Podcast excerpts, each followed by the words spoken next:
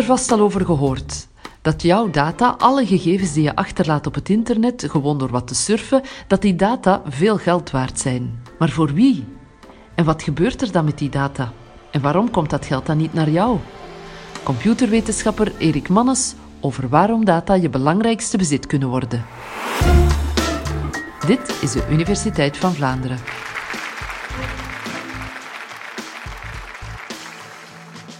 Iedere dag krijgt elk van ons een tsunami aan data te verwerken. Met data bedoelen we gegevens en informatie. En in ons huidige tijdperk, met al zijn nieuwe internettechnieken, zijn we daar grootverbruikers van. Om dit te illustreren wil ik jullie meenemen naar wat er zich in 2017 in één minuut op het internet afspeelde.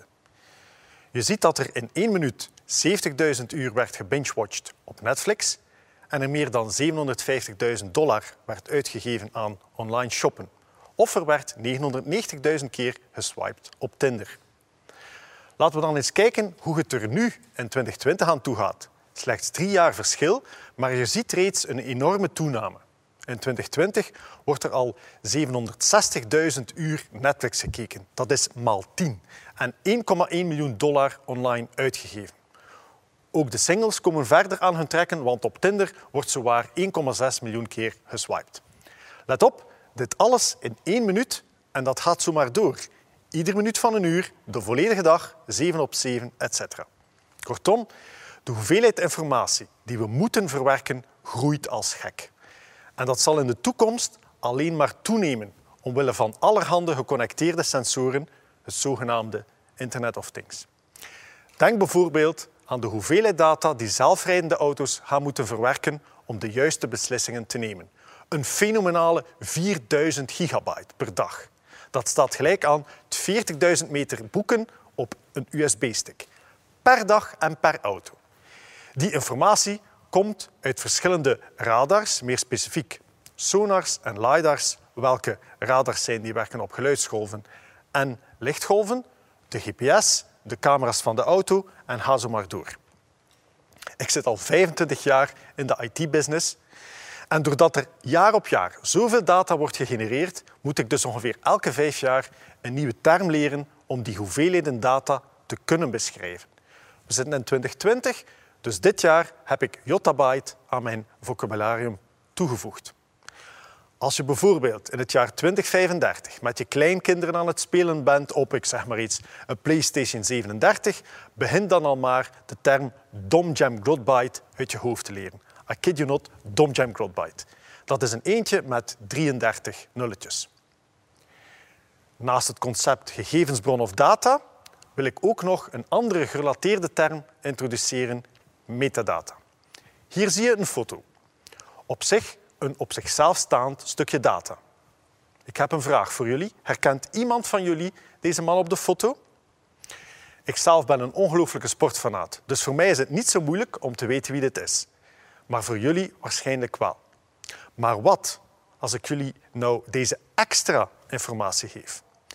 Misschien weet je nog steeds niet wie het is, maar je weet wel al een heel stuk meer over hem. Het is basketbal-icoon Paul Pierce. En zoals je kan zien in deze foto, is deze gemaakt in Boston op een bepaalde dag in mei 2012, toen ze een wedstrijd speelden tegen de Philadelphia 76ers. Als je enkel die foto zag, de data dus, dan weet je weinig tot niks. Als je op hetzelfde moment ook die context meekrijgt, dan ben je ineens veel slimmer. Deze extra contextuele data noemen we de metadata van de eigenlijke data. En die wordt steeds vaker meegeleverd met de data zelf. Als je een foto met je smartphone neemt, zit daar tegenwoordig al automatisch de GPS-locatie aan verbonden. Als ik op een telefoon een foto van een jaar geleden terugbekijk, kan ik precies zien in welk parkje die bijvoorbeeld genomen is. En met een beetje geluk heeft het gezichtsherkenningsalgoritme zelfs ook mijn vriendin op de foto getagd. Dus als je denkt, er komt ongelooflijk veel data op ons af, dan mag je het nog eens maal vijf doen. Want de metadata moeten we ook steeds in ogenschouw nemen. Goed. We hebben heel veel data we hebben nog meer metadata. Door middel van kunstmatige intelligentie of AI kunnen we daar al heel nuttige dingen mee doen. Door middel van artificiële intelligentie weet die zelfrijdende auto van jou in de toekomst bijvoorbeeld wanneer een bepaald onderdeel aan vervanging toe is. De boordcomputer van de auto en de boordcomputer van al zijn soortgenoten die analyseren alle sensordata die die auto genereert en trekt op basis daarvan bepaalde conclusies. Als bijvoorbeeld bij de meeste mensen die dezelfde auto hebben als jij, de rubbers van de ruitenwissers na drie jaar niet goed meer werken en dat opgemerkt wordt door de regensensor in de voorruit, dan kan jouw auto na 2,5 jaar een melding geven dat deze best vervangen moet worden. Deze slimme computersystemen en algoritmes klinken natuurlijk fantastisch. Maar in de praktijk werken deze AI-algoritmes vandaag de dag alleen als je heel, heel veel data kan verzamelen om je systemen te trainen. Je moet echt van heel veel zelfrijdende auto's sensorinformatie krijgen, wil je een accurate voorspelling kunnen doen wanneer de ruitenwissers of de accu vervangen dienen te worden. Let wel dat die extra contextuele data, de metadata hier zou je locatie kunnen zijn, er wel kan voor zorgen dat je AI-systemen snel veel slimmer worden, omdat hier locatie kan geleerd worden aan bijvoorbeeld lokale historische weerdata. Kortom, bij de meeste AI-toepassingen is hoe meer data je hebt, hoe beter. Want daar worden zowel je systemen als je voorspellingen beter van. Nu wil ik jullie graag laten inzien dat data wel degelijk waarde heeft. Kijk even mee naar dit plaatje van de bedrijven met de grootste beurswaarde ter wereld. Dit was de situatie in 2009. Het grootste bedrijf ter wereld was toen een petrochemische onderneming uit China. Verder zie je supermarktketen Walmart, een bedrijf dat medicijnen produceert, Shell en Microsoft. Alleen die laatste is een technologiebedrijf. Laten we nu eens kijken hoe deze situatie veranderd is over de laatste tien jaren. Je ziet dat het nu de grote techbedrijven zijn die de scepter zwaaien. Microsoft, Apple, Amazon, Facebook, Alibaba en Alphabet. Alphabet, het moederbedrijf van Google.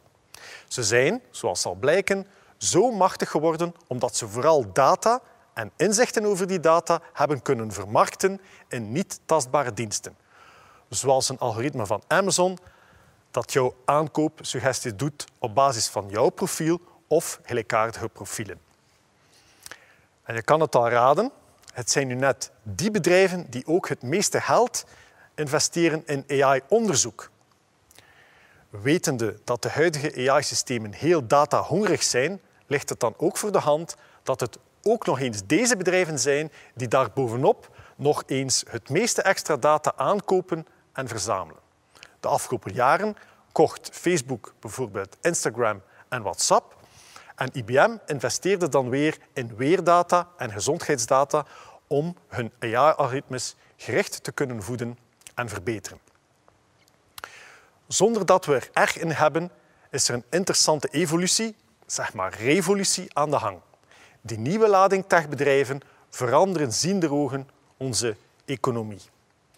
Voorheen was dit het systeem waarop onze economie stoelde. Mensen werken bij een bedrijf en krijgen daar loon voor. Daarmee zullen ze iets kopen, namelijk goederen en diensten van diezelfde bedrijven. Zo stroomt het geld tussen mensen en bedrijven geen en weer. Er is een grosso modo evenwicht. Bedrijven maken wat winst of verlies, individuen gaan een lening aan of sparen wat. De afgelopen decennia zien we echter ook nog iets anders gebeuren. Sinds 2000, dus sinds de opkomst van die digitale bedrijven, groeien de winsten van deze bedrijven veel harder ten opzichte van de arbeid die daar tegenover staat. Er wordt evenveel gewerkt, maar de omzet en de winsten zijn veel groter. Hoe komt dat? Wel, die grote techbedrijven draaien zoveel meer omzet door het gericht inzetten van hun opgedane kennis uit die bergen data. De kennis die deze bedrijven automatisch verwerven door hun verkregen data te verwerken, zorgt voor deze extra winsten. Winsten die dus eerder door computers dan door extra mensen gegenereerd worden. Kortom, het vroegere economische evenwicht, meer omzet en meer winst als er meer gewerkt wordt, is weg. We zijn dus verzeild geraakt in een situatie waarin een beperkt aantal grote techbedrijven bijna alle data in handen hebben. Deze situatie doet me denken aan de rijkste man ooit, Cornelius Vanderbilt. Eind 19e eeuw was hij in tien jaar tijd erin geslaagd een monopolie te bemachtigen door zowat 90% van de spoorlijnen als ook 80% van de olieraffinaderijen in de VS te bezitten of te controleren. Niks kon in de VS nog gebeuren zonder dat hij er wel ergens een hand in had. Natuurlijk vond de Senaat dat niet oké en daardoor hebben die de beroemde Sherman Antitrust-wet tot stand gebracht die monopolies verbood. Een aangepaste versie van deze wet wordt tot op vandaag in elke democratie ter wereld toegepast. In België of Nederland bijvoorbeeld mag de grootste bierleverancier niet zomaar een andere brouwerij, eventueel in een ander land, overnemen. Nee, er moet eerst gekeken worden of dat mag volgens de monopolieregels in dat land of regio. Maar dat geldt blijkbaar niet voor de grote databoeren. Niemand die er wakker van ligt als Google of Amazon nog meer data blijven binnenharken via het internet. Zelfs niet als dat op een onrechtmatige manier gebeurt door middel van achterpoortjes in heldende regelgeving in de diverse landen. Denk bijvoorbeeld aan Facebook, dat jarenlang haar gebruikers heeft gevolgd en data heeft verzameld, zelfs als je het programma had afgesloten en dus de geïnformeerde toestemming niet meer van toepassing was. Wettelijk gezien op zijn minst een donkergrijze zone. Deze situatie is volgens mij niet langer houdbaar. Het is hoog tijd voor een nieuw verdienmodel en daarvoor zullen we het internet op zijn kop moeten zetten. Mijn onderzoeksgroep werkt het uit samen met de uitvinder van het wereldwijde web, Sir Tim Berners-Lee. Zo ziet in onze ogen de toekomst eruit. Iedereen zal in de toekomst eigenaar zijn van zijn haar eigen persoonlijke datasets en die beschikbaar stellen via eigen databankjes, datapots genoemd. Zo zal je bijvoorbeeld een datapot hebben met je gezondheidsdata, één met je aankoopdata, één met je foto's, één met je agenda, één met je sociale mediadata, één met diploma's en ga zo maar door. De verschillende databankjes zullen, naar gelang van waarvoor ze gebruikt zullen worden, onder andere een verschillende levensduur en een verschillende toegangscontrole hebben. Neem bijvoorbeeld de data over onze gezondheid. Die informatie zal van bij de geboorte tot onze dood in die specifieke datapot verder aangevuld worden door gezondheidswerkers, gezondheidsdiensten en gezondheidsapplicaties. Het zal ook enkel gebruikt kunnen worden door bijvoorbeeld dokters, apothekers, fysiotherapeuten, etc. etc. Al dan niet tegen betaling, maar enkel als wij daar zelf toelating voor hebben gegeven. En dus bijvoorbeeld zeker niet door de Facebooks van deze wereld. Zoals de huidige internetservices nu werken, is het zo dat je bijvoorbeeld je foto's en je contactpersonen beiden op verschillende plekken kunnen staan. Contactpersonen zullen bijvoorbeeld bij Facebook aanwezig zijn, maar ook bij Doodle. Hetzelfde met je agenda's. Ze zijn immers eigendom van deze verschillende bedrijven en hun apps. Al dus worden dezelfde soorten persoonlijke data noodloos gekopieerd, met kans op fout. Beter zou zijn dezelfde soort data, bijvoorbeeld contactpersonen, slechts op één plaats geverifieerd te bewaren. Het best van al in je eigen datapot. Dat ziet er dan zo uit. In het nieuwe systeem zul je dus zelf eigenaar zijn van al je persoonlijke data en kan je zelf beslissen welke apps toestemming krijgen om je data te mogen gebruiken. In dit nieuwe systeem komt er dus een aparte markt voor apps buiten de cirkel en een markt voor het databeheer van al je eigenlijke datapots in de cirkel. Je stalt je data bij een partij die je vertrouwt en die ervoor zorgt dat het beschermd is tegen hackers. Een kalenderapp kan dan toegang verlenen tot je agenda-datapot om de juiste info te delen met je sportclub of je werkcollega's. Als we het hebben over social media, zal bijvoorbeeld Facebook in de toekomst maar één van de bedrijfjes zijn die mee kan dingen naar jouw interesse in hun diensten. Een Facebookpagina New Format ziet er dan als volgt uit. Jouw foto blijft jouw eigendom en die zit dus in jouw datapot. Als je bijvoorbeeld een video of een artikel wil delen van iets dat je gelezen hebt in een krant, dat kan, maar dit artikel of die video die blijft eigendom van de krant en zal dus in de datapot van de uitgeverij zitten. En iedereen die jouw bericht een like geeft, blijft eigenaar van zijn eigen like en die zal dus ook in één ieders datapot zitten.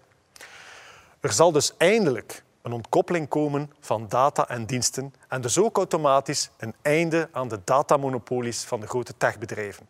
Want die zullen enkel om te overleven nog kunnen inzetten op een superieure service, aangezien de eigenlijke data bij de rechtmatige eindgebruikers zullen zitten. In deze toekomst zou het zomaar kunnen dat Facebook jou moet betalen om jouw data te mogen gebruiken, in plaats van het zomaar af te geven aan die grote databoeren, wat nu nog steeds als normaal wordt beschouwd. We gaan naar een systeem waar data held zal worden. Het kan bijvoorbeeld zijn dat je data minder waard is dan een bepaalde service, dan betaal je gewoon een klein beetje bij. Maar het omgekeerde kan evenzeer waar zijn. Bedrijven willen betalen om jouw data te kunnen gebruiken. Want die bedrijven die verdienen nu al aan je data.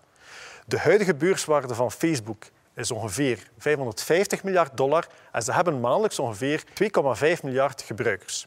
Dus is jouw en mijn Facebook-account elk ongeveer 220 dollar waard voor Facebook. We begonnen het college met de vraag waarom wordt data in de toekomst je belangrijkste bezit?